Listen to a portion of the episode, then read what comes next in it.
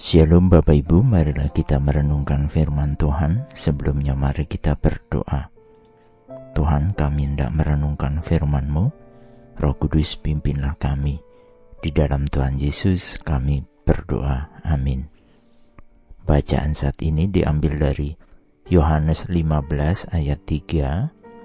Yohanes 15 ayat 3. Kamu memang sudah bersih karena firman yang telah kukatakan kepadamu. Adalah sukacita ketika anugerah keselamatan kita terima. Kita mengaku Yesus sebagai Tuhan dan Juru Selamat kita yang telah mati untuk menebus dosa kita semua. Oleh karenanya, Tuhan mengampuni segala dosa-dosa kita.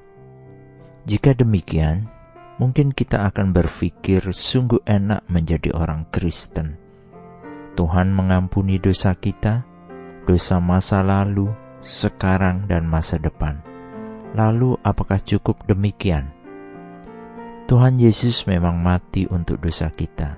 1 Korintus 15 ayat 3 Pengorbanan tubuh Kristus untuk selamanya. Ibrani 10 ayat 10 Dan dia adalah pendamaian untuk segala dosa kita 1 Yohanes 2 ayat 2. Lalu bagaimana respon kita tentang kehidupan di dalam Kristus yang telah menghapus segala dosa kita? Apakah yang harus kita lakukan dan jalani untuk menghadapi kehidupan di dunia yang penuh godaan ini di masa-masa depan? Dosa adalah pemisah antara Tuhan dan manusia. Tetapi pengorbanan Kristuslah yang menjadikan manusia kembali bisa berhubungan dengan Tuhan. Tuhan memulihkannya.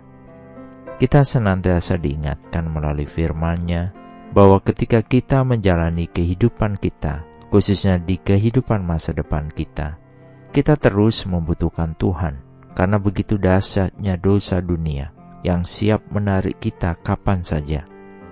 Ketika kita berada di dalam Kristus, posisi kita sebagai anak-anak Tuhan tidak pernah berubah tetapi kemampuan kita untuk menikmati hati nurani yang bersih, hati yang murni, dan kesenangan surgawi akan banyak mendapatkan halangan di dunia ini. Kenikmatan duniawi, keserakahan, kemarahan, kebencian, pengadu dombaan akan terus kita temui di dalam sepanjang kehidupan kita. Bahkan itu semua sangatlah dekat dengan kita. Namun, firman Tuhan mengingatkan agar kita menghadapi kehidupan ini untuk terus melekat pada pokok anggur, dan kita adalah ranting-rantingnya.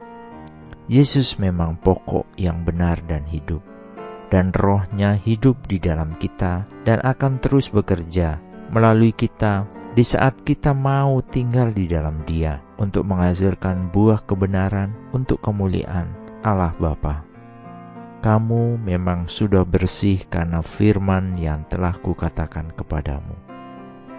Namun, kita perlu terus melekat kepada Tuhan, karena di sanalah ada kuasa yang menolong kita menghadapi masa depan di dunia ini. Amin. Mari kita berdoa. Bapa Surgawi, terima kasih untuk Kristus Yesus sebagai pokok anggur yang benar dan hidup, yang mengundang kami untuk hidup melekat pada Tuhan. Kami rindu bertumbuh dalam kasih karunia hari demi hari dan hidup serta bekerja untuk puji dan kemuliaan nama Tuhan saja. Kami memohon kiranya Tuhan terus menyertai kami untuk hidup bersih setiap hari. Inilah doa kami hanya untuk puji dan kemuliaan namamu saja. Di dalam Tuhan Yesus kami berdoa. Amin. Tuhan Yesus memberkati. Shalom.